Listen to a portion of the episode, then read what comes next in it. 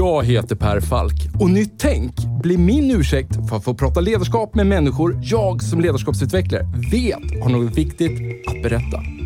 Och med tio avsnitt per säsong, varannan vecka, gräver vi därför ner oss i tekniker, principer och synsätt för att vi ska sätta fingret på vad som kännetecknar det ledarskap vi alla behöver se mer av. Och för att få de här samtalen att hända så har vi sponsorer.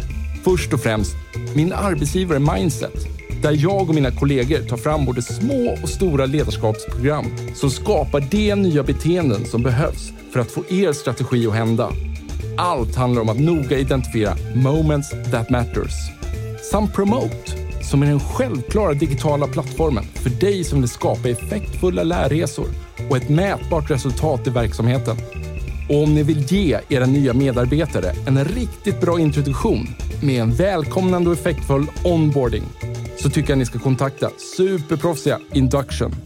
Ni hittar såklart länkar i avsnittsbeskrivningen. Nu hoppar vi in i samtalet. Enjoy!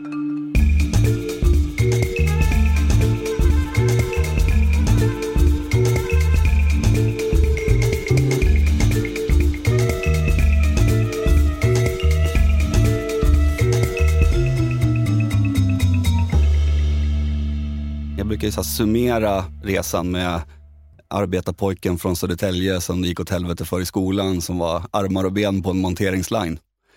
Och eh, upplevelsen av att inte riktigt vara lika smart som alla andra barn, så har man ju sällan liksom, tanken då att jag ska nog bli chef över hela den här verkstaden om, om, om det går några år.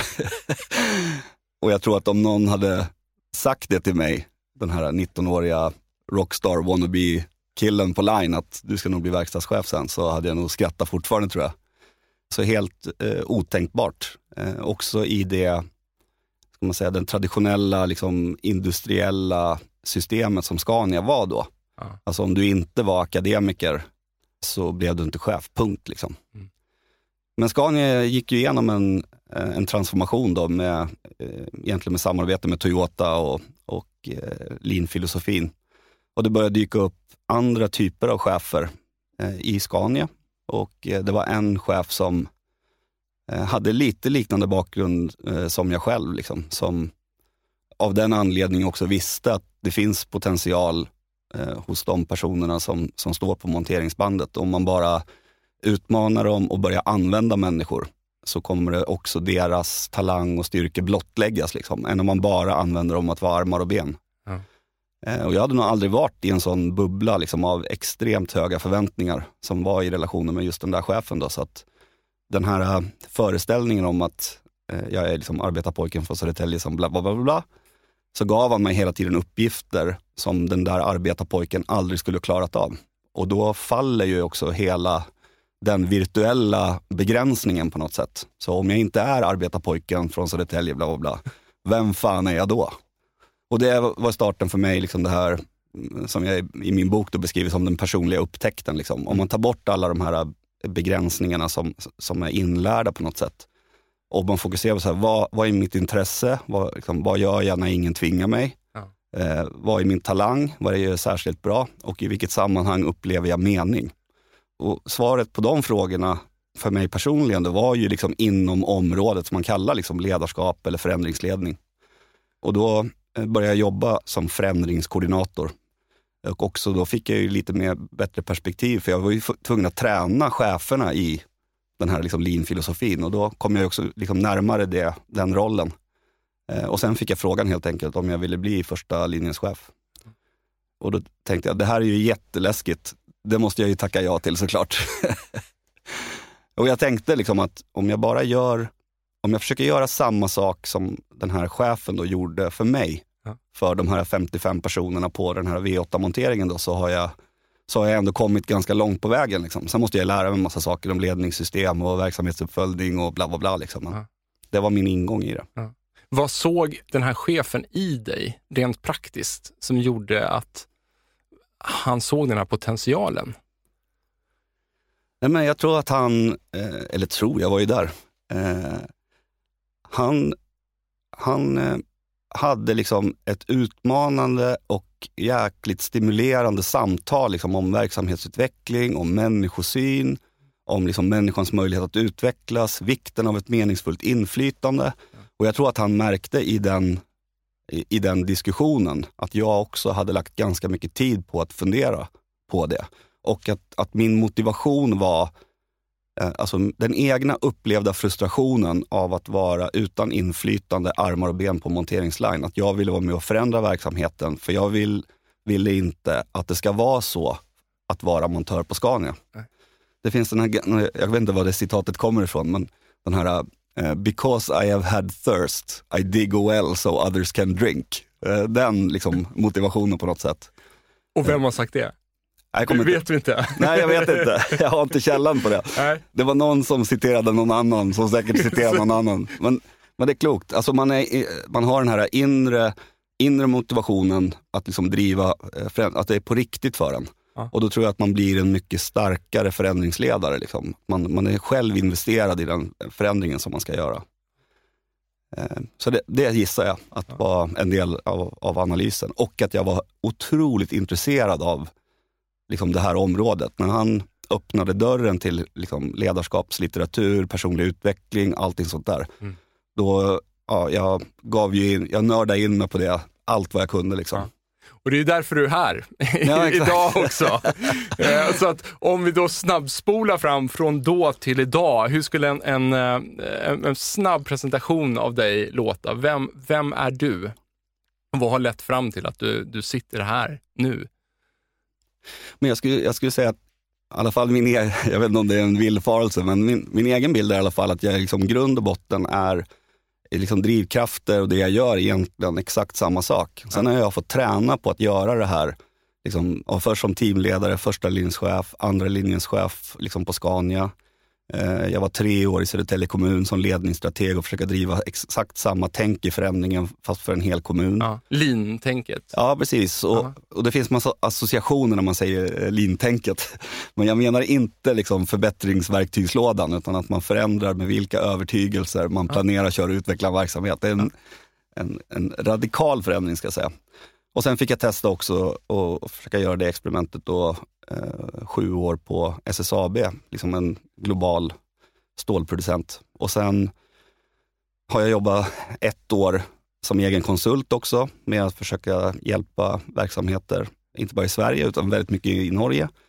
Och sen första april då så eh, jobbar jag på Tamro i Kungens Kurva. Jag skulle vara interimchef där i sex månader. Eh, men efter fem och en halv så blev jag platschef. och vad gör ni på Tamro? Tamro ansvarar för distribution av, av eh, läkemedel. Så att egentligen att försörja Sveriges apotek med läkemedel och eh, apoteksvaror. Och Jag har ju bjudit in dig Robert för att jag, tycker, jag gillar ju lean-filosofin. Mm. Och jag tycker det finns massor därifrån som oavsett om inte arbetar med lean, du markerade ju här när du pratade att du jobbar för Södertälje kommun och sa att det handlar inte om att ta med sig verktygslådan, utan Nej. du indikerar ju där att det finns då andra saker du tycker att man ska ta med sig. Det är det jag tänkte vi skulle prata om. Men jag tror att vilken verksamhet man än befinner sig så finns det saker inom lean-filosofin, lean-tänket, som man som chef och ledare eller bara medlem av en arbetsgrupp skulle kunna ta med sig yes. in i arbetet. Och jag kan inte tänka mig någon finare person än dig Robert att få sitta och diskutera det med. Mm. Smickra det där. Ja, smickra det där. Men jag vill också framhålla då, för att smickra vidare, att din bok då, Respekten för människan, den ligger också på mitt skrivbord hemma och när jag satte ihop den här podden så har jag mångt och mycket just utgått från de, här, mina favoritböcker. De ja. böcker som jag tycker har något riktigt viktigt att berätta. Och därför sitter du nu här. Tack.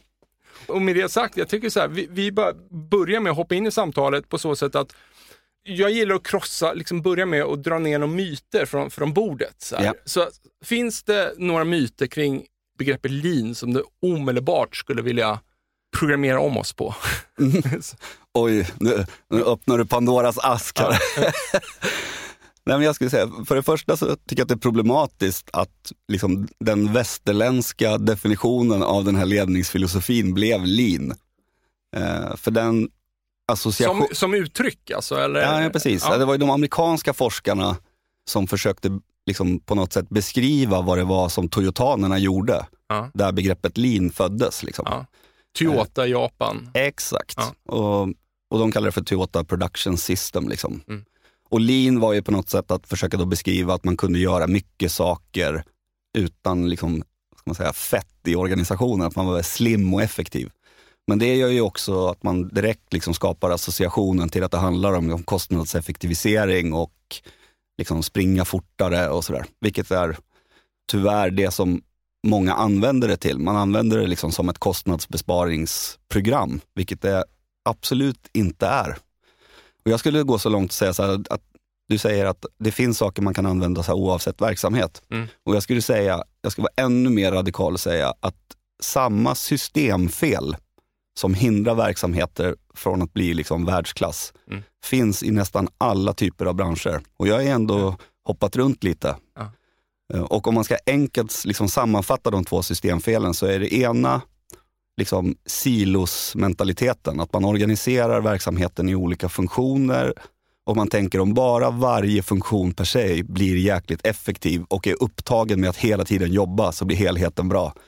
Vilket är helt galet för man får suboptimerade och skitdåliga flöden och helheten blir mycket dyrare och sämre. Och det andra är den här command and control-arvet som vi har då. Alltså Frederick W. Taylor, som på något sätt, de som gör arbetet är inte tillräckligt smarta att, att bestämma hur arbetet ska utföras, utan det måste göras av cheferna. Och då blir chefernas roll blir att berätta för folk hur de ska jobba och hitta olika strategier för att få människor att lida. Och sen så undrar man varför är inte medarbetare engagerade? Liksom? Om, om det är ledarskapets logik, hur bra blir det? Liksom? Och, och det har vi pratat om i, faktiskt i ett helt annat avsnitt här, om att just engagemangssiffrorna i, i västvärlden egentligen Yes. faller. Yes. Eh, Samma systemfel överallt. Samma systemfel. Mm. Varför tror du, du nämnde ju Taylor här, och varför tror du att de här tankarna sitter så djupt rotade inom oss? Varför, varför lever det här kvar? Det, det är så här, 10 000 kronors frågan här. Ja. Men, jag, Men jag, jag tror så här, jag, eh, jag precis kommer ifrån, vi har spenderat två dagar alla eh, gruppchefer och eh, produktionschefer i Tamro, Sverige, eh, liksom kopplat till liksom vårt linarbete. Och en stor del är att liksom, vad ska man säga, koda av det systemet som vi har ärvt. Mm. Alltså om man inte förstår logiken för hur systemet är byggt så kan man inte ändra det. Nej. Du vet, det är så lite matrix. ja. Eller hur? Du måste koda av det innan du kan ändra systemet. Liksom. Så vi måste förstå med vilken logik systemet är byggt. Och då förstår man också varför, eh, vad ska man säga, chefer och ledare med, med goda värderingar och bra människosyn kan bete sig på ett sånt jäkla konstigt sätt. För pratar man med en chef en och en och man säger så här, okej, vad är din drivkraft till att vara ledare? Då är det ofta så här, utveckla människor, du vet, skapa en bra verksamhet, lämna någonting bättre efter mig. Eh, gärna berättelser om människor som kände så här, ja, men tillsammans med den här chefen kunde jag verkligen utvecklas. Ja. Och sen kan det ta en timme och så sitter exakt samma person i ett möte och agerar inom ramen för systemet med command and control beslut, Mm. eh, svär över någon inkompetent eh, medarbetare som man borde liksom, eh, ta i med hårdhandskarna med. Eh, och, det, och det är liksom, vi har jobbat i det systemet med det bakomliggande tänkandet så länge så att man slutar reflektera över hur jävla galet det är. Liksom. Så därför, jag brukar ibland säga så här, vad är liksom steg nummer ett eh, i bra ledarskap? Eh, så säger jag, det är att sluta vara dum i huvudet. alltså, nej men in, inte, Får, jag, får jag citera dig? ja, det får du göra. Alltså jag menar ju att om man, om man bara kliver ur sin roll liksom, och sen så tänker man så här, du vet, vad, intuitivt så vet man ju på vilket sätt man kommunicerar och liksom verkar tillsammans med andra människor för att liksom skapa du vet, någon form av grundtrygghet i, eh, som är förutsättning för att liksom prestera tillsammans. Ja. Men eh, som sagt, det innebär ibland också att man måste ta personlig risk för att göra det som man vet egentligen är rätt, även fast systemet begär att man ska bete sig på ett annat sätt. Ja. Och det kräver integritet och risktagande som, som chef. Och det känns som att ledningsgruppen har ju, liksom de signaler man skickar ut där, därifrån har en rätt stor betydelse ifall det kommer hända eller inte. Ja, Eller hur man i praktiken ja exakt. walk the talk.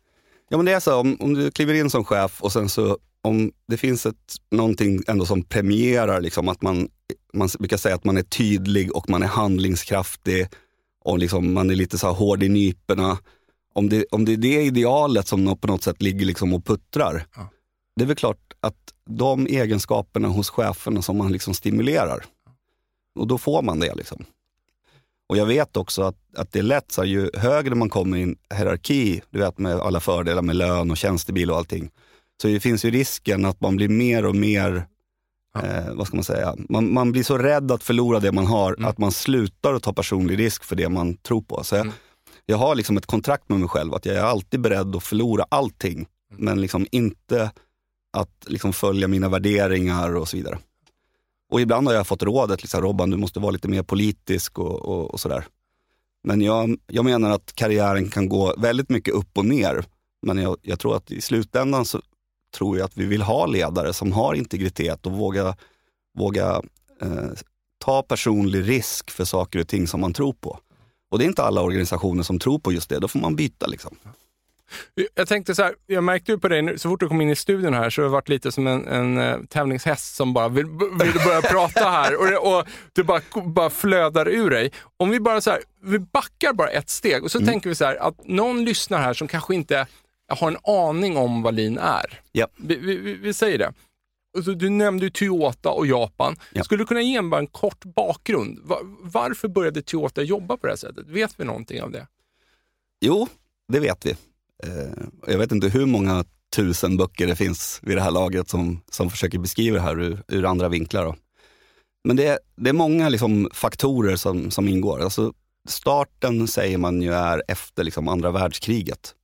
Och där Toyota som först var ett väveriföretag, alltså de som Ah. utvecklade den första automatiska vävstolen. Är det sant? Jajamän. Ja. Så jag har varit på Toyota Museum i, i, i Japan också, där man får se deras de här innovationerna. Ja, coolt. Eh, och, det, och det går att hitta, alltså deras, hela deras tänkande finns på något sätt redan i det. Det här med att experimentera, att hela tiden hitta bättre sätt att göra någonting. Ja, I Toyota-kulturen alltså? Exakt. Ja. Så den första, liksom den stora innovationen var egentligen då att han, liksom Mr Toyota där, eh, såg att, att kvinnorna som jobbade i väveriet, att de, de fick liksom problem med kroppen på grund av att, du vet, föra den här eh, skytten, tror jag det heter. Och då började han ju tänka så här, hur kan man använda egentligen gravitation liksom, för att ta bort det momentet? Liksom, igen den här grundvärderingen och respekten för människan. Liksom. Hur, hur ser vi till att människor kan, kan jobba på ett sätt liksom, där man inte skadar sig? Så det, och sen så startade ju då de att eh, bygga bilar helt enkelt. Och de hade lite resurser, lite ytor, lite pengar. De tvingades vara väldigt, väldigt innovativa. Och de hade också en så pass liten marknad så att de kunde inte använda den här massproduktionslogiken då som liksom Ford, utan de var ju tvungna att, att liksom bygga få bilar, hantera stor variation och i det liksom det här med att göra effektiva flöden och vara effektiv i sin flexibilitet och allt sånt där. Det föddes liksom i den, i den kontexten. Och sen så har det ju utvecklats då, jag skulle säga, inte genom att det sitter några Toyota-gubbar och filosoferar fram smarta grejer, utan de har liksom testat sig fram.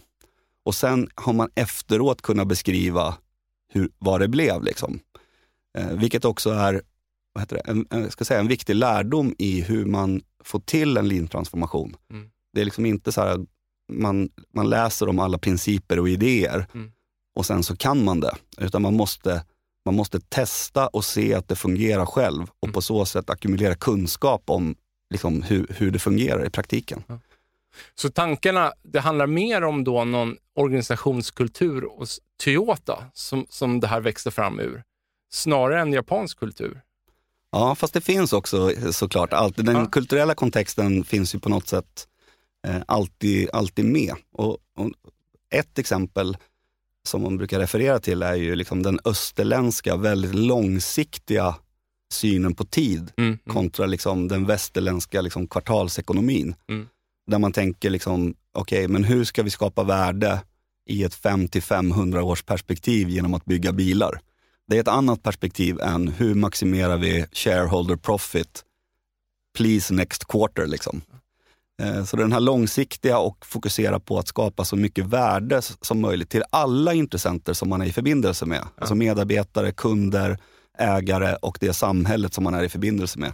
Det är också en radikal tanke liksom, jämfört mot den traditionella västerländska liksom, bilindustrin på den tiden. Ja, men för, för grejen är att jag, jag började faktiskt sitta och tänka på det just nu. Att så här, vad jag har hört, det du har berättat, att, liksom att oh, efter, i efterkrigstiden då i Japan, man, Mm. man kunde inte riktigt konkurrera på samma sätt mot den västerländska bilindustrin och var tvungen att hitta sitt eget sätt och så vidare. Men det finns också en paradox i att man verkade ju rätt bjussiga sen när då företag från västvärlden kommer och, och frågar vad gör ni som gör att det funkar så bra? Eller, eller jag som, eller var man hemliga med det? Eller, jag, jag har ingen aning, jag bara formulerar frågan nu. För att det här är ju ändå spritt sig ut i världen. Liksom. Ja, exakt. Nej, men, jo, men jag, jag, jag skulle säga att det också påverkar väldigt mycket, så här, lean-människor är väldigt mycket så här, att man delar väldigt fritt liksom, med, med, med varandra. Och jag tror eh, på ett sätt, när väl liksom västvärlden förstod, när de försökte förstå varför mäter de kvalitet i ppm, liksom, i så här, hur många fel gör man på en miljon möjligheter att göra fel. Ja, ja. Eh, Så resan, de har liksom tränat då i 30 år att bygga upp sin förbättringsmotor. Ja. Alltså de, de blir bättre så mycket snabbare än alla andra. Ja. Så att även om de berättar liksom hur de gör, så är det ganska liksom riskfritt att 30 års träning tar man liksom inte ikapp på tre år. Liksom. Det är den, kulturell, alltså den kultur man har ar, liksom arbetat upp kring det här Yes. går liksom inte att bara kopiera rakt av, utan Nej. Och det, tänket och beteendena måste bara finnas i ryggraden hos människor. Och det, Ja, jag ska säga, man kan ju göra det, jag tror man kan, man kan nog göra det ganska snabbt om man tar liksom en liten avdelning Ja. någonstans. Om man stopp- stoppar in en ledare som, som har gedigen erfarenhet och liksom bygger upp både liksom kultur, och struktur och spelsystem och allting. Ja. Men tricket är ju sen, hur får du ett helt stort företag från högsta ledningen ner till varje team Ja. att spela i det här gemensamma spelsystemet och med det sättet att, att tänka när man planerar, köra och utveckla en verksamhet. Ja. Det, min vän, det är inte och, lätt. Och, då är det, så här, det känns som mitt manus jag hade satt upp här, b- börjar, det, det, går helt åt helsike. Men jag bara springer vidare för att jag kommer på här en massa frågor utefter det, det du säger. Så för, för det här, nu måste jag då, när ändå du säger så, för någonstans i varje transformering som jag stöter på så har man någon bild av att vi ska transformera allt Ja. direkt över liksom alla, allt samtidigt. Men du, det låter på dig då som att du skulle vilja ta av, liksom, jag vet inte, vad säger du? Nej, men jag, jag skulle säga att om du pratade med mig för några år sedan, då skulle jag säga att det enda sättet att göra det, man gör det 100% top-down, man Ja. gör det genom train the trainer, Ja. högsta ledningen lär sig och man liksom får träna nästa nivå, nästa nivå, nästa nivå. Ja. Och, det, och det menar jag på ett sätt är är delvis sant i liksom det långsiktiga perspektivet. Men det finns ett begrepp som heter model area. Alltså att, att man väljer en liten del av verksamheten som en experiment och lärplats. Mm. Sen måste högsta ledningen delta i, liksom, i, det, i det arbetet. Love it. Ja. Exakt. Och det finns en forskare som heter Bob Emiliani som, som beskriver att den operativa organisationens arbetssätt eller beteende är en spegling av första linjescheferna och sen så går det hela vägen upp. Och sen vad styr högsta ledningens beteende? Det är deras övertygelser. Eller hur? Så om man tror att jag vet bäst, om alla jävlar gör bara vad jag säger så blir det här bra. Då kommer man på något sätt inte skapa den här involverade kulturen till exempel. Och att förändra högsta ledningens övertygelser är jäkligt svårt att man lyssnar på en konsult eller man läser en bok. Utan det är att testa själv och se att det fungerar. Ja. Och det är det som är då den här model areans styrka. Alltså om högsta ledningen då investerar den tiden i att faktiskt delta väldigt, väldigt aktiv i att liksom, okej, men hur skapar vi visualitet för det här teamet här så att de ser hur de ligger till, att de kan se sina avvikelser. Eh, Hur borde man tänka om man ska gå ifrån de här silosarna till att bygga liksom lite bättre flöden? Eh, Hur gör man en problemlösning? Där man inte problemlöser på spekulation utan på fakta på ett vetenskapligt sätt. När du säger att högsta ledningen ska vara involverad i det här, Mm. hur pass mycket då? Ska, ska de stå här med stövlarna på sig och uppkavlade armar och vara med och kartlägga de här problemen eller flödet? Jag, jag skulle säga att eh, ju mer ju mer hands-on och involverad man är, ju bättre kvalitet får du på högsta ledningens övertygelser och kompetens. Ja. Och det är det som till slut styr huruvida liksom breddinförandet kommer lyckas. Ja. De, eh, forskningen säger att ungefär, den snälla forskningen säger att ungefär 70-80% av organisationerna försöker göra en sån här resa lyckas inte. Den elaka forskningen säger ungefär 98. Så oddsen är inte hur bra som helst. Nej. Eh, Men det är också det som gör att det är en sån jäkla konkurrensfördel om du lyckas. Och då, så vad är, orsaken är ju ofta högsta ledningens brister i högsta ledningens övertygelser och brister, även om övertygelsen i så fall deras förmåga att förstå vad, det, vad som faktiskt krävs. Ja. Och det finns en begränsning i hur mycket liksom konferensrums eh, filosofidiskussioner, hur långt man kan komma med det. Mm. Och att få den här aha-upplevelsen av att vara ute i verkligheten, förstå hur det är Mm. och vilken otrolig skillnad det kan bli i, alltså för kunden, för medarbetarna och liksom för produktivitet och effektivitet. Och man får den här liksom shit, shit pommes frites. Alltså, men det, det, men det, det känns ju liksom som att liksom så här, jag har bara så svårt att visualisera ledningen på ett storbolag som gör den här investeringen. Jag vill ju att det ska vara så. Mm. Och förstår att det måste fungera så. Jag har bara så svårt att se det framför mig, att man skulle liksom investera i den tiden och bara tycka att det här är viktigt, det här måste göras Yes. ifall den här transformeringen på något sätt ska lyckas Ja. i, i kölvattnet Exakt. bakom den här, liksom, eh, vad, vad kallar du den här testenheten för?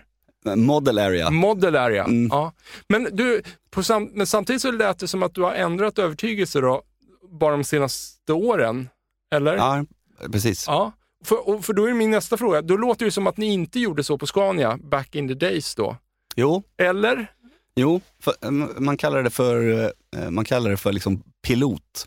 Mm. Så man hade, man hade liksom, om det var eh, motorbearbetning till exempel, då var man en line som man liksom la fokus på att, liksom, att lära sig. Mm. Och sen så försökte man sprida det därifrån.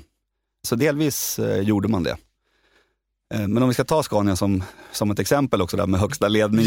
Gärna, eh, gärna. Eh, kör. För att ge liksom en, en story kopplat till det. Så Scania byggde ju, jag tror att de fortfarande har det, de har en, en, liksom en träningsarena där man bygger trampbilar. Mhm. Alltså en miniatyr lastbilsbyggarprocess. Och för att liksom verifiera att liksom det blir bra, då är det X-board, alltså högsta ledningen på Scania, är och monterar trampebilar Ja. och skriver standarder, de kör daglig styrning, eller pulsmöte man kallar det. Så det är ett praktiskt exempel på där, där högsta ledningen faktiskt är väldigt, väldigt involverade. Men jag skulle säga också att det är, alltså Leif Östling förstod väldigt, väldigt snabbt, han har sagt det själv också, när han var till Ken, Toyota Kentucky-fabriken, att han, fabriken, att han, han sa så här, jag ser att det här är något helt annat, men jag förstår inte vad det är jag ser. Nej. Och, och då liksom, du vet, nyfikenheten att liksom eh, knäcka koden. Och Leif Östling var ju på något sätt garanten under de här liksom, nästan 20 åren liksom, Mm. som Scania gjorde resan. Och jag tror att det var många andra chefer inne på Scania som var, vet, ska vi verkligen fortsätta det här? Vi ser ju liksom inte effekten. Nej. Det här övertygelser och eh, förmåga att förstå vad det faktiskt är. Ja. Att liksom hålla fokuset genom liksom hela förändringsresan. Det är otroligt viktigt. Ja. Det kanske var en, en förutsättning att han satt som vd så pass länge för att, att det var det som var framgångsfaktorn i sig, eller en del av det, Yes. att det här verkligen genomfördes. Ja. Hur, Och, men, när, och när Leif slutar så kommer inte någon vd från något annat bolag in. nej. Utan det är hela tiden ledare som är liksom de är marinerade i den här filosofin under många, många år som sen kliver in i nästa position. Liksom. Två frågor här. Vi pratar ju om Toyota, Japan. Om jag uttrycker mig så slarviga eh, termer så att jag pratar om japanarna. Mm. Är japanarna, är de världsledande på det här fortfarande? Eller har liksom, förstår jag menar? Eller har det spritt sig runt om i världen och det har ändrat lite, le, levt sitt eget liv och kanske förfinats ännu mer? Eller är det fortfarande liksom Japan man, man tittar på och då specifikt Toyota? Eh, och det är en väldigt, väldigt stor fråga, för jag känner att jag behövde på något sätt ha referensen över hur det fungerar på alla bolag över, he- Ja. över hela världen. Ja. Eh, Det var en, en klassisk skjuten från höften-fråga här. det finns organisationer som är extremt duktiga på det här. Jag, kan ta, jag var på Toyota i England till exempel, Mm. eh, som är då en helt annan liksom, företagskulturkontext, vad, vad men, alltså, om man tänker till liksom nationen så. Mm. De är jätte, jätte, jätteduktiga. Och då måste man göra någon så lite små, små tweakar liksom kring, så här, okay, i den kulturella kontexten, liksom kring motivation och sådana saker. Man kan inte göra liksom exakt samma sak, men själva grundspelet och grundfilosofin är densamma. Och sen ja, när jag var till Japan sist, då, det var liksom kronan på verket att se det i, också i den kulturella kontexten. Ska säga att, att det är inte jättestora skillnader om man ska jämföra liksom Englandfabriken mot det jag såg när jag, när jag var i Japan. Man kan ta, ta ett exempel, och nu det här blir det eh, förenklat såklart. Men om, om du som Toyota-chef på Japan ger utmaningen, säger så här, vi ska korta ledtiden med 50 procent. Mm. Då är responsen, haj!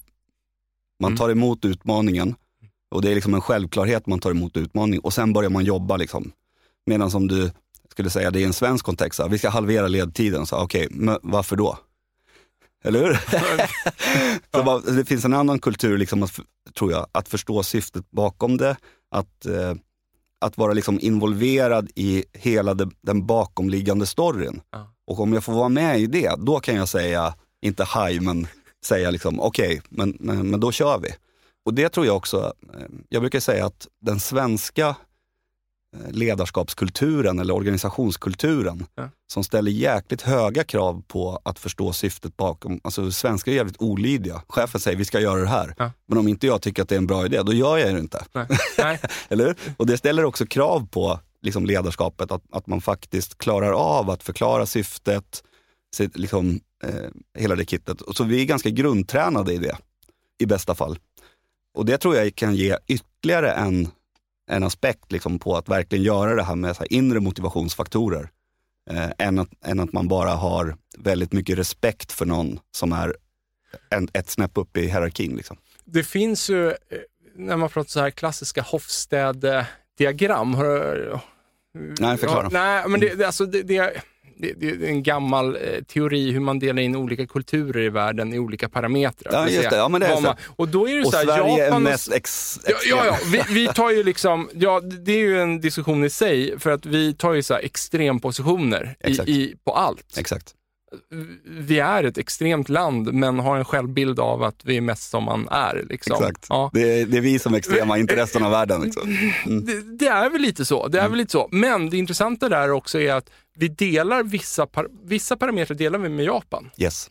Eh, och väldigt nära också. Ja, mm. och då tänker jag så här, det, det kanske är det som är en, en av förklaringarna till att, att, eh, jag vet inte, att det svenska ledarskapet då delvis gick att jacka in lite med de här tankarna. Jag tror, att det är, jag tror att det är absolut så. Jag har hört att det finns någon beskrivning också att Sverige är liksom Europas japaner på, på något sätt. okay, ja. Så det finns, eh, jag, jag tänker, det, det, kommer säkert ur andra kulturella kontexter. Men jag tänker så här, den svenska liksom Luther, liksom det här med att man ska göra rätt för sig. Och... Vi är ifrågasättande men vill göra rätt för ja, oss. Ja, precis. Ja. Exakt. Och sen så tror jag också den här, eh, vad ska man säga, den, den vetenskapliga Alltså att göra saker liksom, eh, på ett rationellt och vetenskapligt sätt som också ligger väldigt nära en del av den här linfilosofin. Då. Att man gör inte saker på spekulation utan man Nej. verkligen analyserar, man använder Nej. fakta. Därav den här frågan, varför då? då? Eller ja. varför då? Varför ska vi korta ledtiden? Ja. ja, exakt. Men jag tror att det, för man brukar säga så här, okej, okay, är lean den här, den här filosofin som bygger på respekten för människan, eh, involvering, att skapa värde för du vet, lite mer så här filosofiskt eh, abstrakta? Eller är det det här, du vet, sätta standard för all, arbetssätt, hitta avvikelser, hitta rotorsaken, jobba bara med fakta? Och svaret är ja, det är det. Och det är just kombinationen av eh, liksom, att man har, man har jäkligt bra koll på läget och man jobbar med avvikelser man jobbar faktabaserat. Fast man gör det liksom i ett socio tekniskt system som plockar fram det bästa av människor. Att människor får utvecklas i utmaningen att hela tiden göra verksamheten bättre. Ja. Det är det som... Ja, men det, det, är det som är min fråga också. Så här, vad är det i det här lean som gör att det fungerar? Vart ligger magin då? Vi har varit mm. inne på det flera gånger, men om man ska verkligen så här, trycka fingret på det. Okay. Vart ligger magin? Vad är hisspitchen? Vad är hisspitchen för lean? Exakt. Men jag har tänkt på, för det är så mycket å ena och andra sidan, ja det är det där och det där också. Men om jag ska säga så här, vad är vad är syftet med lean? Det är en intressant fråga. Och då ska jag säga syftet med lean är att skapa den högsta möjliga utvecklingstakten av en verksamhet och människorna i verksamheten. Och det gör man genom att etablera det som kallas av den här förbättringsmotorn. Och då är varje dag en hypotesprövning. Som man säger så här, det är inte så här, vi går till jobbet du och jag och så, så tittar vi varandra i ögonen och säger så här, okej, okay, nu gör vi något bäst, vi gör vårt bästa och ser hur det går. Nej, det är så här, exakt så här ska vi jobba, exakt här ska grejerna ligga, exakt den här vinkeln ska vi ha på micken när vi gör podcasten. Pod- ja, ja, exakt. ja. Ja, och sen, för vi har en hypotes över just nu, över hur det bästa sättet är att göra en podd. Ja. Eller hur? Och sen testar vi det. Och sen efteråt så utvärderar vi så här, okej, gick det precis som vi hade tänkt? Nej, det gjorde det inte. Eh, Du sa innan du kom av dig, och, eller vad det nu är för någonting. Och då säger vi så här, gud vad intressant. Ja. Då försöker vi analysera varför det blev så. Ja. Och i det sker ju då lärandet över hur gör man världens bästa podcast? Ja. Eller hur? Och sen nästa gång så kommer du ha en ny hypotes över exakt hur man ska liksom planera och genomföra en podd. Och det där kallas liksom för den här förbättringsmotorn. Ja. Och den är både cykeln hur man gör en förbättring, men det är också cykeln för hur lärande sker. Vi har en hypotes, vi testar den, vi märker att det inte riktigt blev som vi hade tänkt. Alltså vi måste förstå ännu djupare. Och sen så analyserar man och så förstår man ännu några fler detaljer om hur man gör det på det bästa sättet. Man testar den hypotesen, hittar nya problem och sen snurrar liksom den här, den här cykeln. Ja. Och därför utvecklas verksamheten och människorna i verksamheten om man involverar dem i att göra den här cykeln varje dag. Och vad blir chefens, den traditionella chefen, vad blir hens roll i det här? det är att skapa plattformen som krävs för att medarbetarna själva ska kunna göra den här cykeln varje dag. Mm. Och Det är därför man pratar så här visualisering till exempel. Okej, men om du ska bygga, om du ska skapa världens bästa dag på jobbet, då måste jag säga så här, okej, vad mäter vi oss emot för att se om det blir som vi har tänkt? Mm. Eller hur? Hur mäter vi arbetsmiljön? Hur mäter vi kvalitet? Hur mäter vi leveranstid? Hur mäter vi produktivitet? Och vad står det på de siffrorna om det blir exakt som vi har tänkt? Och så blir det inte som vi har tänkt. Vi tänkte att vi ska max ha två fel. Det blev fem fel. Då är det rött på tavlan. Och så startar den här cykeln för att kunna stabilisera sig på att inte ha fler än två fel. Och chefens roll är att träna medarbetarna i hur man gör det här, men också att etablera själva plattformen. Skapa de visuella verktygen, skapa tid för mötet, skapa tid för att kunna jobba med problemlösning som en del av det dagliga arbetet. Det är chefens nya roll, inte att vara beslutsmaskin. Och då är så här, du, du pratade ju tidigare då när ni införde det här på Scania och, och att Leif Östling då höll kvar det här fast det väcktes röster då om att ska vi inte avbryta det här, vi ser inte de resultaten som vi liksom hoppades på. Ja. Vilket du indikerar att det kanske inte, det handlar inte om en process att över en natt så fungerade allt klockrent. Nej. Så kan vi förflytta oss tillbaks lite då till den här första produktionslinan där man började testa det här. Ja, just det. Var, var alla med på det här? Vad, vad tyckte folk om de här tankarna från början? Nej, men jag tror att, och det är också en del i utmaningen är att när vi människor ska gå in och lära oss något nytt så förstår vi ofta det som är så lite mer konkret som vi kan ta på först. Och Det är därför som folk ramlar ner i den här liksom lean-verktygslådan. Så, Nu- som är vad då? Till exempel 5S. Hur gör vi ordning arbetsplatsstandarden så att vi har sakerna på den platsen där vi behöver dem. Ja. Och, och liksom ta bort det här med att springa och leta och så. Men ur medarbetarnas perspektiv så kan man alltså, uppleva att det, det här nya lean, det är visst att vi ska städa. Så nu säkert de här snåla jäklarna ska de dra in på städkostnaderna så att vi måste städa också. Ja. Men ja, med det sagt då så är det ju, jag tror att en jätteviktig aspekt med, med Scania var ju att det var ett utbyte mellan Scania och Toyota. Så vi hade ju en, en sån en sensei liksom ifrån från Toyota som kom eh, varje år eller vartannat år och drog ner byxorna på oss. Och sen hade vi liksom att jobba med de kommande ett, två åren. Och- eh, jag måste bara fråga, Mm. N- nu säger att ni hade ett utbyte. Jag, jag blir bara så, eh, liksom så här. Och, och vad fick Toyota då åt andra hållet? De, de var intresserade av Scanias eh, modulsystem. Ja. Alltså hur man kan bygga många varianter av lastbilar med eh, moduler av motorer och ramar och hytter. Liksom. Ja. Har- Okej, så det fanns något form av, av utbyte där. Och, Yes. Om vi hjälper er med det här så, så hjälper ni oss med det här. Exakt, Ja, precis. Okej, och så den här Sensign, he- heter det Sensei? Sensei, Sensei. mm, ja. lärare, Ja, läromästare. ja, precis. Sensei från Toyota som då kommer och drar ner byxorna på er. Exakt. Ja. Hur, hur kunde det se ut? Och, och, Han heter Glenn Amminger. Jag, jag har eh, fortfarande eh, haft lite kontakt med honom. Det, eh, han är helt fantastisk. Men då kom han in i, i, liksom, i vår fabrik och liksom, började ställa frågor. Och sen så då taktade vi inte linerna, utan, och det kan man gå in djupt på. Men det var, egentligen så var det som, som montör så dockade man på ett motorblock och sen så åkte man runt i en line med massa material och sen så byggde man ihop den efter liksom tycke och smak. Vilket gör att man hittar liksom inga problem och avvikelser utan man jobbar på och sa så här, men ska ni inte takta linen? Och då sa vi att nej men det passar inte i Sverige för vi, vi svenskar tycker inte om att bli styrda. Och då berättade han något år senare att han sa, min tanke var, åh herregud, hur ska de här klara sig i en global konkurrens? Liksom. Ja. Eh, men då till slut så, så då tänkte vi så här, okej, okay, men då, vi, vi ska prova att takta den här linen och sätta in ett taktsystem. Vilket innebär att du kan inte flytta fram produktionen ett steg förrän alla stationer är klara. Och vi trodde att vi gjorde det av en anledning, men när vi väl testade så förstod vi att själva syftet var ju något helt annat. Det var ju för att hitta problem i processen, mm. eller hur? Om, om du är 20 monteringsstationer och sen så ska det ta fem minuter att göra eh, momentet på varje station. Mm. Efter fem minuter så är det en station som inte är klar. Då stannar hela processen då blir du ganska medveten om att du har problem på den stationen. Så att du börjar liksom synliggöra problemen i processen.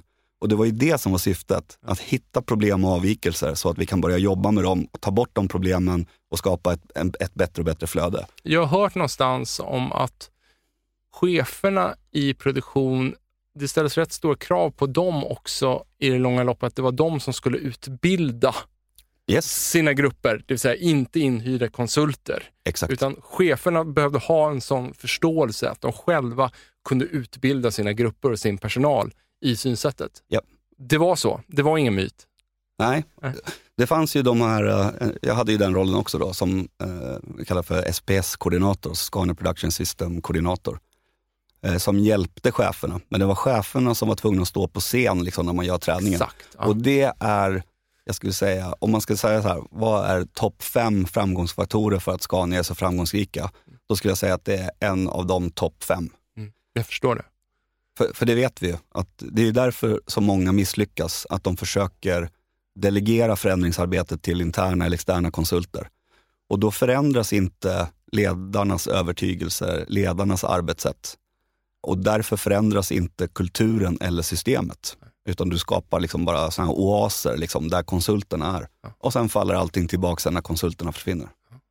Och vad tycker du då? då? Om man, så här, vi har ju nämnt eh, Södertälje kommun här. Jag vet man har ju pratat om värdebaserad vård inom sjukvården och så vidare. Mm. Vad är det för res, principer och resonemang som du ser att man egentligen kan ta med sig från lean-filosofin in i vilken verksamhet som helst? Mm vad är det finaste med lin? Liksom, mm. som... Eh, jag har min, eh, en av mina vänner och läromästare, han heter Magnus Lord och just kommer från, från sjukvården. Och han summerar det väldigt, väldigt fint. Han säger att grundvärderingen är respekten för människan. Och den ena dimensionen av det, det är att istället för att fokusera på silos, att fundera på för vem finns vi till? Alltså kunden eller patienten. Och att organisationens fokus är att göra den serien med aktiviteter så bra som möjligt. Alltså hur gör vi patientens resa så bra som möjligt liksom, genom vårdsystemet? Mer än att liksom, eh, räkna pinnar eller beläggning på en vårdavdelning. Det är respekten för patienten. Ja. Eh, det andra perspektivet är att involvera de som står liksom, i eh, det faktiska värdeskapande arbetet varje dag, att involvera dem i att göra verksamheten bättre, mm. det är respekten för medarbetarna.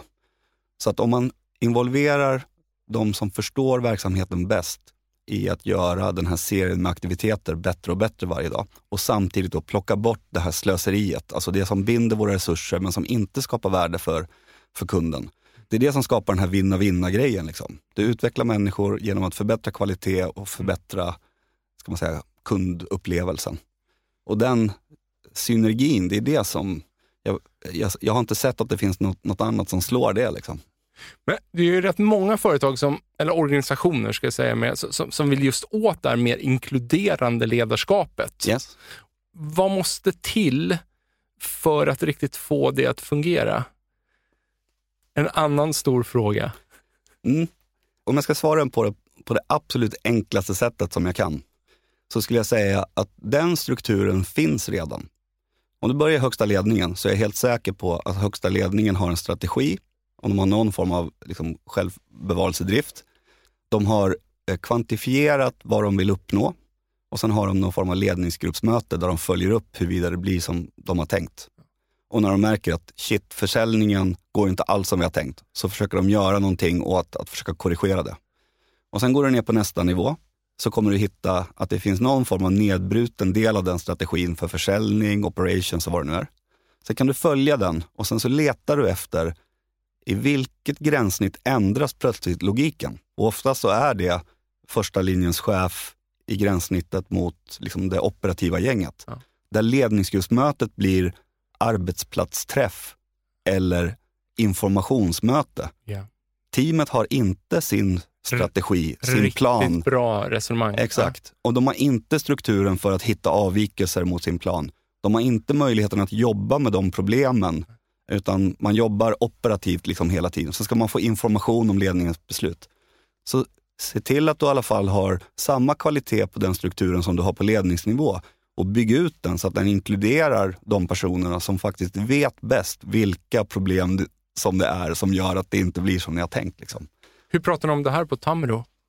Just det perspektivet. Jag har, inte, jag har inte tänkt, jag tycker det är superbra förklarat. Jag har inte mm. tänkt på det på det sättet.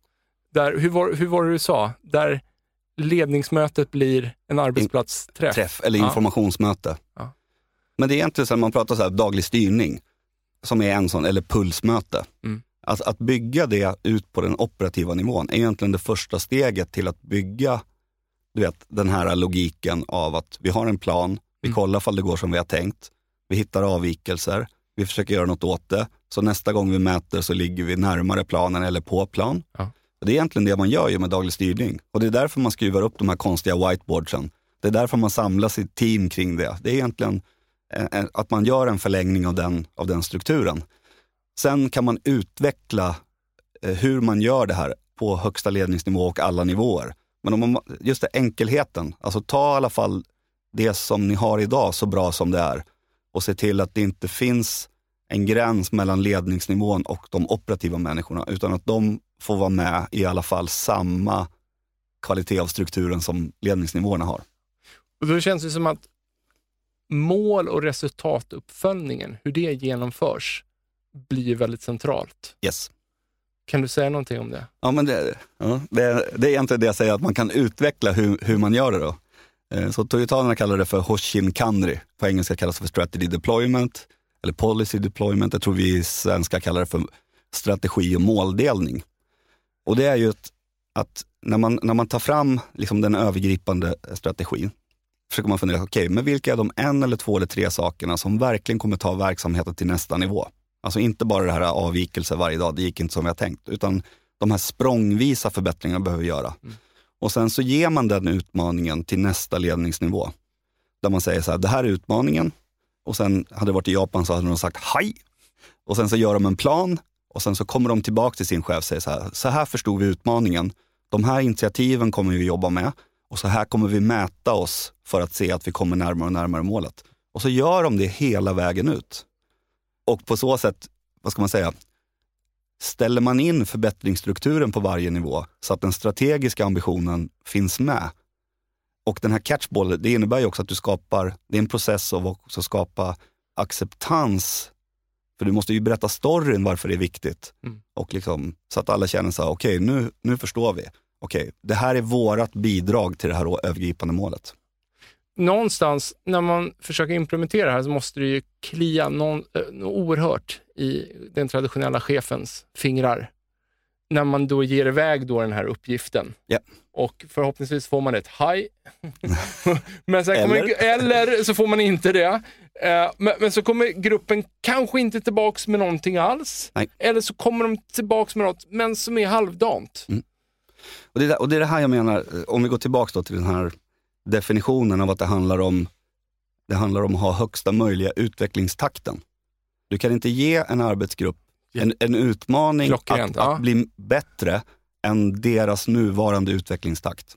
Eller? Ja. De kan inte bli 10% bättre på en månad om deras utvecklingstakt är att de blir 0,1% bättre på sex månader. Ja. Och då måste man jobba med förmågan att jobba med utveckling. Ja. Och sen så ställer man utmaningen på något sätt i relation till det.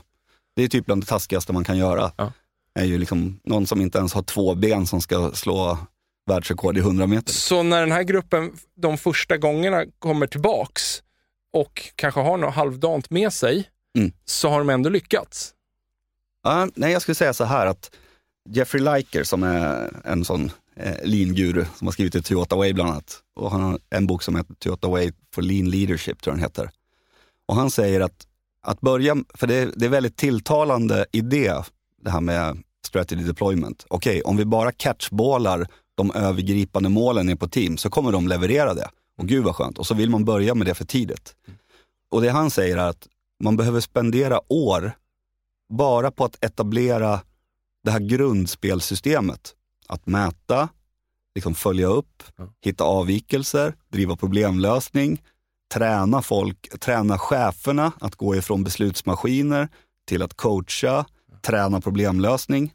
Och sen när du väl har fått den här motorn och, liksom, och börja snurra, då kan man också stä- liksom komma strategiskt och ge utmaningar till den här förbättringsmotorn. Ja, ja. Om förbättringsmotorn inte snurrar så spelar det ingen roll liksom, vad, vad du vill att den ska prestera. Liksom. Och det var ju det som Scania också gjorde de första åren. Innan man, nu pratar man ju liksom strategisk plan på Scania, där man liksom väldigt, väldigt medvetet ger utmaningen kopplat till produktivitet eller ledtid och sådär. De första åren, då tränar vi bara på liksom daglig styrning, förbättringsmöten. Utif- bara för att försöka stabilisera och liksom göra vardagen först dräglig och sen lite bättre och bättre. Eh, Så jag tror att man ska vara försiktig med att liksom för tidigt gå in i att liksom göra den här strategi och måldelningsprocessen. Ja. Så på SSAB så, eh, jag tror att om det var vid tre, vi gjorde tre iterationer, alltså strategiprocess tre, eh, tre år i rad. Och första året så var det inte så bra, andra året blev det lite bättre, tredje året blev det på vissa ställen kanske till och med ganska bra. Men det var ju för att då hade vi fått eh, på många ställen den här eh, alltså grundläggande förbättringsstrukturen på plats. Så att det fanns ett lag som kunde ta emot en utmaning. Mm. Men, men år ett så är det ju inte så. Så träna och få igång förbättringsmotorn och det kan man lägga ganska lång tid på. Att bara liksom förbättra vardagen. Och sen när den där motorn börjar bli liksom sofistikerad, då kan man också ge den de här utmaningarna. När vi pratar om här att gradvis ut, eh, liksom utvärdera eh, och eh, öka utmaningarna sådär. Om vi zoomar in på dig som person, Mm. finns det grejer som du utmanar dig själv med? Som ledare och, och där du känner att du blickar inåt dig själv och det här måste jag bli bättre på eller det här arbetar jag med hos mig själv och, och så vidare. Absolut. Eh, utmaningen med mig personligen är att jag tenderar att driva mig själv hårdare än vad mitt, eh, mitt, mitt väsen klarar av. Liksom. Ja. Så att, eh, jag har gått ifrån att ha liksom, ambitioner att utveckla mig själv liksom, på alla livets plan hela tiden. Ja.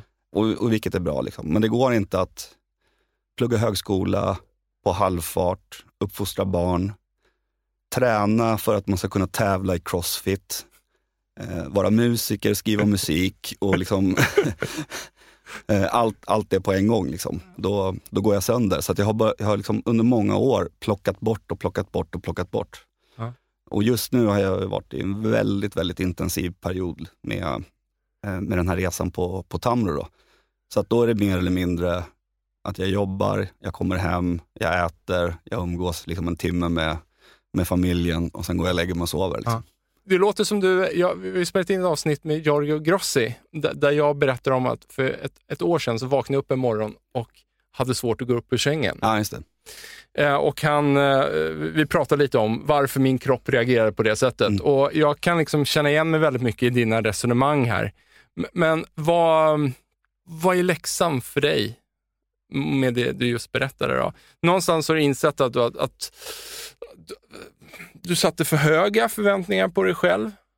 Eller? Nej, men jag, ja, det, det är lite mer eh, komplext än så. Men jag, jag skulle säga att ehm, den ena beskrivningen är att man brukar säga så här, ja, men om man vill utvecklas kan man inte vara i sin komfortzon. Och det är sant. Men man kan inte alltid vara 400 mil utanför sin komfortzon. Du, du, alltså utvecklingstakten är extremt hög, ja. men, men liksom bränslet eh, tar slut.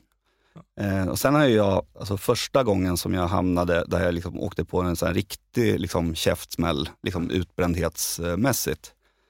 Och sen så har jag liksom kommit upp på banan igen och sen trillat dit igen, så, som man oftast gör.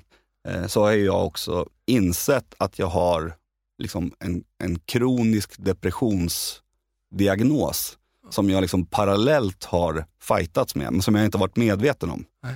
Alltså som dränerar min energi inifrån oavsett hur jag liksom riggar, riggar mitt liv. Liksom. Ja. Eh, så att det där har ju varit en, alltså en jäkla fight. Alltså. Ja. Så att, eh, Vad glad jag blir att du kan sitta här och bara säga det rakt upp och ner. Ja, ja precis. Men jag är också, jag, jag tänker att det är, just nu, så är jag liksom tillräckligt långt ute på andra sidan. Peppar, peppar. Ja. man ska vara jäkligt ödmjuk för de här grejerna om man inte har kontroll på. Nej. Eh, och då är det också, jag brukar inte vara, jag brukar liksom inte vara hemlig med det. Det är ju liksom eh, vår tids stora folksjukdom liksom, ja. med psykisk ohälsa. Ja. Jag blir ju såklart jätteglad att, att du är så pass öppen och mm. att det inspirerar andra, att, att man kan liksom ha ett sånt samtal. Eh, men så här, tyvärr så tror jag att många känner att de vill liksom, så här, hålla det för sig själv. Ja, exakt. Ja, men, och jag tror, jag tror, om jag säger, nu kan jag, jag liksom vara kaxig och liksom prata om det. Ja. Det är jag inte men. Men i perioder som jag känner att jag inte har det här liksom under kontroll, då blir det också liksom mycket, mer, mycket mer känsligt. För det, det som man inte vill ha, det är ju på något sätt att, att omgivningen tror att, att man är, vad ska man säga, någon, någon liten sårbar sak som, som man inte kan ställa krav på eller som man inte kan förvänta någonting. Ja. Alltså jag är ju en otrolig utvecklingsmotor. Liksom. Ja. Men sen så finns det den här variabeln som jag inte kan kontrollera. Liksom. Och när jag mår bra, då är det ju 100% liksom, utvecklingsmotor. Och när det tar tvärstopp, liksom, då, kan, då kan det behövas en, en månad av bara liksom, ligga still och, och, och försöka andas. Liksom. Ja. Då gör du så? Du gör liksom ingenting? Eller, nej men, eller vad ska jag säga? Bli, blir då kampen att, att du hela tiden får övertyga dig själv om att nu, nu ska jag göra ingenting? Eller? Min hypotes var ju att det är 100% utbrändhet och det har att göra med livsstilssaker. Liksom. Mm. Du vet, jag kör för hårt, du vet, jobbar för många timmar, tränar parallellt, pluggar och bla bla mm. bla. Och, och jag skulle säga att det är ganska starka belägg för att det var det. Men jag märkte ju så här, att jag plockar bort saker och ändå, liksom, även om jag hade på pappret var liksom mitt liv helt perfekt, mm. så kunde jag, eh, jag kommer ihåg ett tillfälle så eh, var jag föreläsare på eh, SSAB samlar alla sina liksom, största kunder globalt. Det var typ 900 pers där. Mm. Från, wow. eh, och jag höll ett, ett föredrag då kopplat till liksom, eh, lean på SSAB och liksom, ledarskap och hela det kittet. Liksom. Mm. Och det finns på film också. Mm. Och liksom, det är kanske en av de bästa föreläsningar som jag liksom någonsin har gjort. Mm. Och sen åker jag hem och sen så bara det här liksom svarta hålet. Liksom. Mm. Så någon, det är inte så här, gradvis känner jag att liksom det börjar, ja. utan det är liksom, det är bara, det här svarta hålet bara öppnar sig. Och sen ja. så för att du är så mentalt utmattad, eller att Nej. det är en urladdning, eller för att det råkade bara hända just där? Jag har ingen jävla aning. Nej. Och, och, ibland kanske man inte ska liksom överanalysera heller. Liksom. vi vill så gärna ha kontroll på allt. Ja, var, var, exakt. Var, ja. exakt. Man, ibland kanske man bara får acceptera. Ja, ja precis. Exakt. Och då har jag... Så ytterligheter då, från att bara stå och rocka totalt på, på, scenen och göra sitt absolut bästa och i mm. det forumet som du säkert älskar. Ett ämne ja, du älskar att prata om och, och, och få dela med dig av dina erfarenheter. Mm. Och sen så bara ett svart hål ja, exakt. någon timme senare. Liksom. Så min hypotes var så här, så här, oavsett om du har en stark eller en svag motor, liksom, om man nu pratar som, som människa, liksom, så, så länge du har man säga, ja, inte riktigt kanske, men en droppe bensin i tanken ja. så är ju motorn lika stark. Men när du, det är en jäkla skillnad att ha en droppe bensin i tanken och ha noll. Liksom. Så det var ju min hypotes på något sätt. Mm. Att, för jag märker inte av det liksom. Mm. Och sen så bara, så är det liksom tvärstopp. Märker andra av på dig när du börjar närma dig? gränsen? Jag tänker så här att, att man själv inte ser de här signalerna, men att man kan träna sin omgivning att, att ni måste säga till mig när ni ser de här signalerna. Eller? Ja, precis. Jo, men jag tror, jag tror att min omgivning i alla fall kan se när jag, när jag liksom, och det, och det, eh, det? det har jag också lärt mig att kommunicera med min omgivning. Alltså när jag säger så här, nu, jag, nu ligger jag på rött liksom. Ja.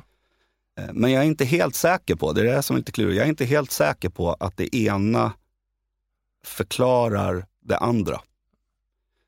För att göra det som jag älskar att göra Ja. och vara i liksom det här eh, höga liksom utvecklingstempot och allt sådär. Ja. Det är ju också på något sätt liksom det mitt väsen kräver för att, för att må bra. Liksom. Ja.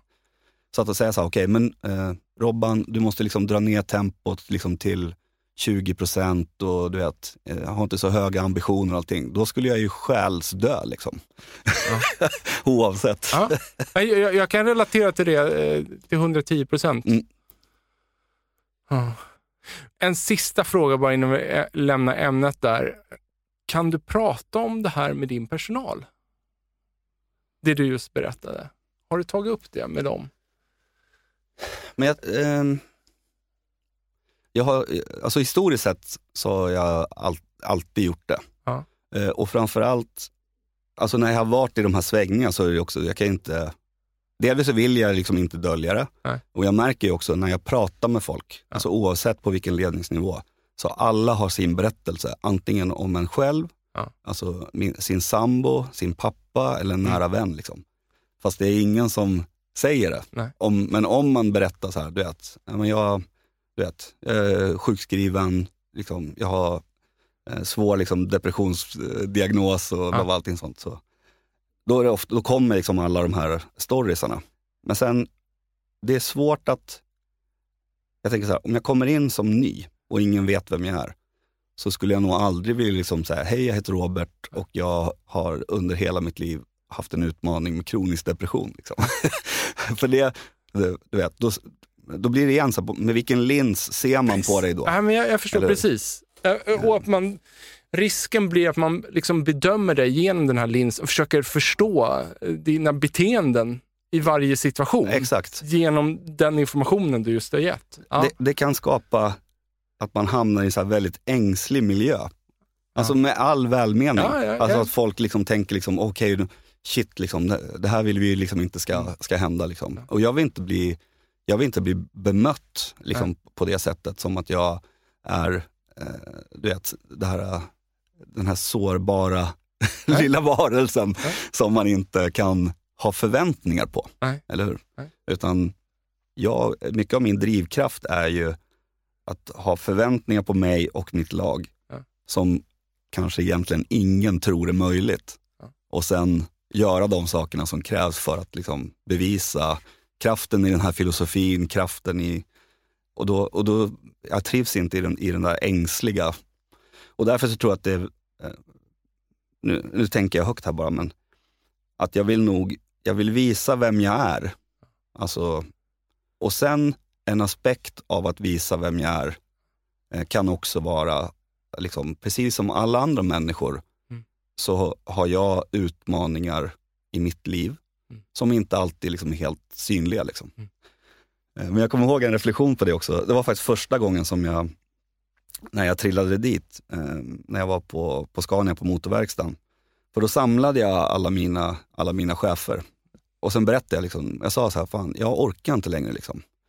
Jag mår skitdåligt, jag behöver liksom ta en time-out. Eh, och jag vill inte att ni ska tolka det som att jag inte är engagerad eller liksom att jag lämnar er. Mm. Och då var det en av, eh, av cheferna då, eh, som rapporterade till mig som sa, Åh fy fan vad skönt. Det är så jävla skönt att veta att också du hade en gräns. Ja. Eller? Mänsklig. Ja, exakt. Ja. Det var en jävla rolig eh, reflektion faktiskt.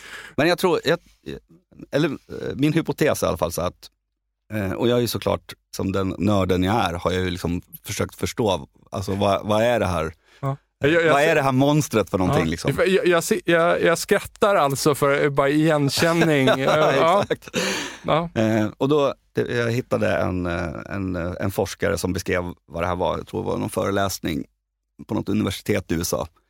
Alltså det är så jäkla många faktorer. Det ena är ju på något sätt att man har någon form av genetisk betingning för att få depression, helt enkelt. Det är den ena faktorn. Den andra faktorn är att man, den, den triggas av oftast då någon, något tillfälle, oftast i unga år, där man blir väldigt, väldigt duschad med mycket stresshormon. Så det tänk, Mhm. tenderar att vara liksom att, att man slår on på den här eh, genetiska liksom, förprogrammeringen. Och sen att om man har ofta återkommande av väldigt stressade perioder, då kan det här systemet sätta sig i egen svängning. Ja. Eller hur?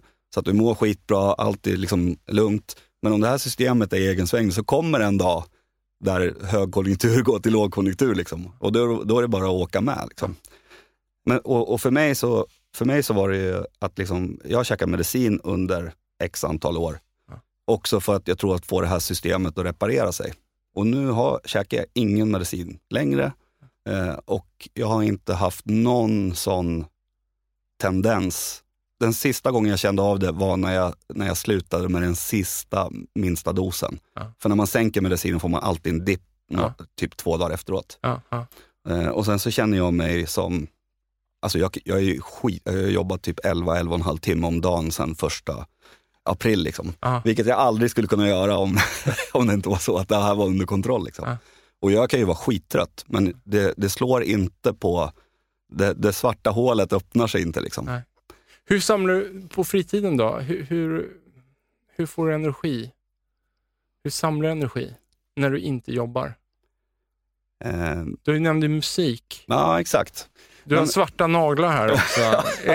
Det, det hintar om någon sorts metallinspirerat kanske. Och jag är ju alltså gammal, eh, eh, gammal thrash metal-sångare. och sådär. Men Det är jag- inte så jag- att du går ut i garaget då efter jobbet och, och bara Nej, drar av någonting eller?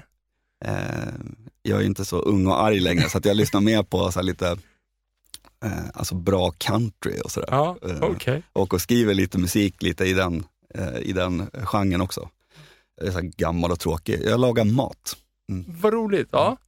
Så att planen liksom fredag kväll eller lördag kväll, det är så här, okej, vi ska äta något gott som tar jävligt lång tid att laga. Liksom. Ja.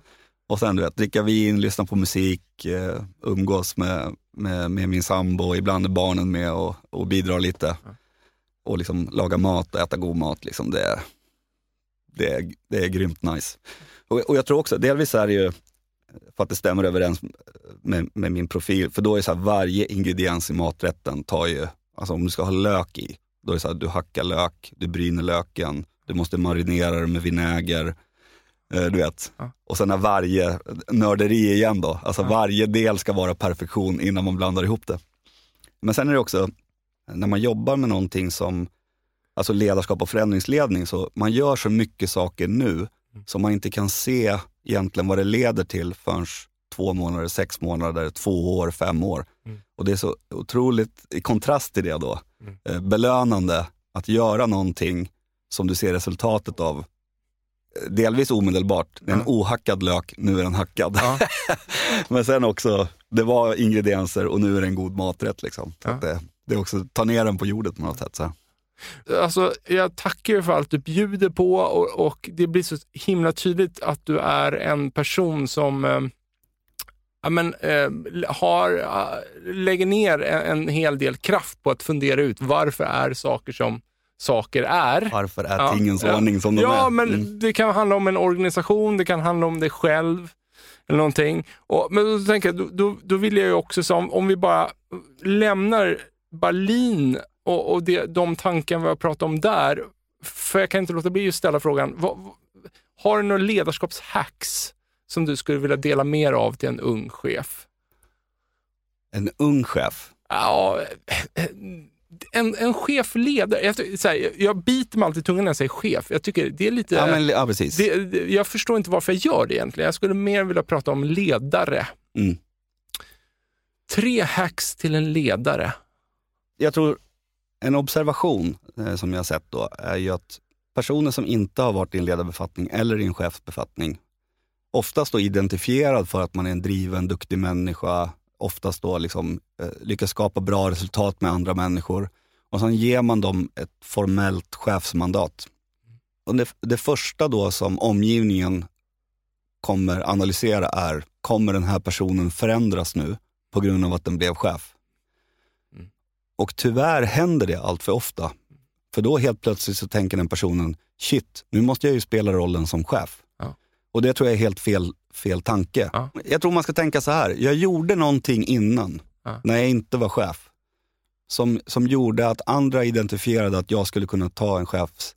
Alltså börja med att Mm. bara fortsätta göra de sakerna. Mm. Och överbevisa alla som kommer tänka så här, okej, kommer den här personen nu sätta sig liksom på höga hästar?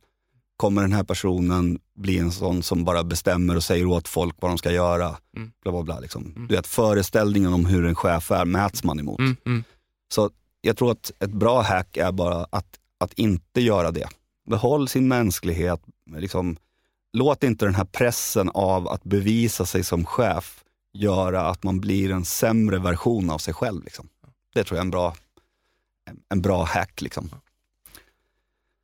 Jag skulle också, lite på samma tema, är att också eh, hur systemet är. Förväntningen är att chefen ska leverera resultat. Och att man tänker att man är ensam i det. Så jag brukar, jag brukar tänka att ta utmaningen till teamet. För det är också det de vill. Och då slipper man också äga, liksom hel, man äger ändå liksom huruvida det, man lyckas eller inte. Det, det måste man Mm. acceptera som, som ledare. Man kan inte säga så här, ja men min grupp lyckades inte prestera, men jag var fortfarande en skitduktig ledare. Den funkar ju sällan. Liksom. Men att ta utmaningen, om det är liksom, okej vi måste minska kostnaderna med 5% Istället för att sitta och klura då på hur man ska göra, komma på aktiviteter och sen säga, nu måste ni göra så här.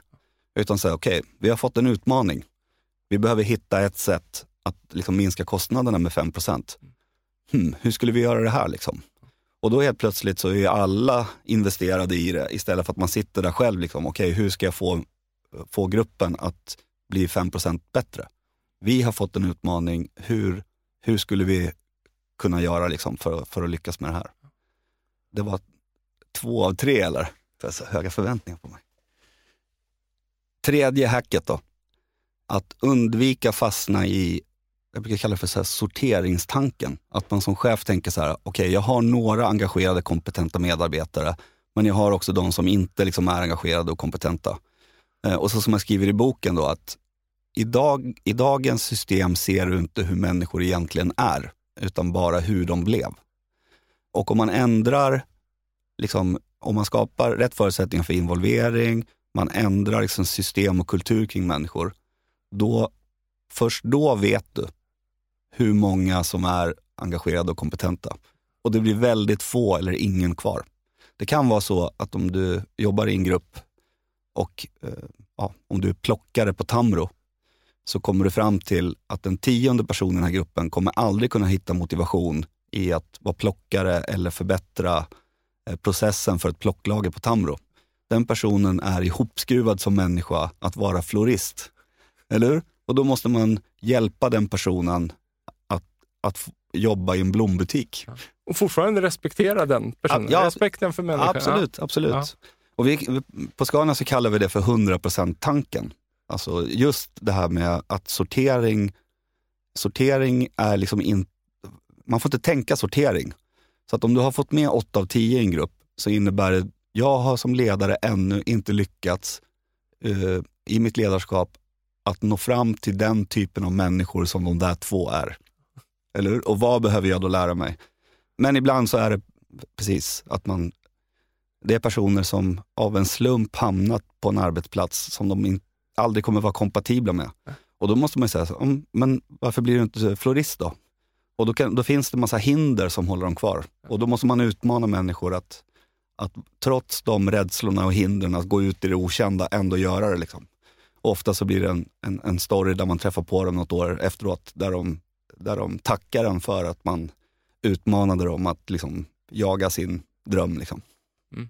Jag kan lägga till en, en liten avslutande knorr. Ja. Eh, för jag har ju alltid sagt att du vet, det tar, beroende på organisation, någonstans liksom mellan 5 och 15 år att liksom göra resan tills man ser resultat. Mm. Men nu när jag kom in på Tamro som interimchef så var ju första uppdraget var ju sex månader. Och då blir ju också frågan så här, okej, okay, men hur, hur lyckas jag bidra på ett hållbart sätt så att det faktiskt blir någonting på sex månader? Du kan inte lägga ut liksom en så här äh, transformationsprogram på tre till fem år. Liksom. Och, då, och då på ett väldigt så operativt sätt alltså ut och göra saker tillsammans med medarbetarna. Vet. Upp med tavlan, vilka är våra topp fem problem och liksom bara hands-on och sen träna i att, liksom, i att göra det. Och vi förbättrade produktiviteten med, jag tror att det var 30 procent på tre, 13 veckor. Då säger jag så här, det är det som får bli de avslutande orden. Tack för den sista knorren. Tack. Vilken eh, målbild som du lämnar där. Och självklart så här, din bok Respekten för människan, vi lägger in en länk till den i poddbeskrivningen. Perfekt. Stort tack Robert för tack att du kom. För. Tack. Hej. Hörni, tack till våra sponsorer Mindset, Promote samt Induction för att ni tror på den här produktionen.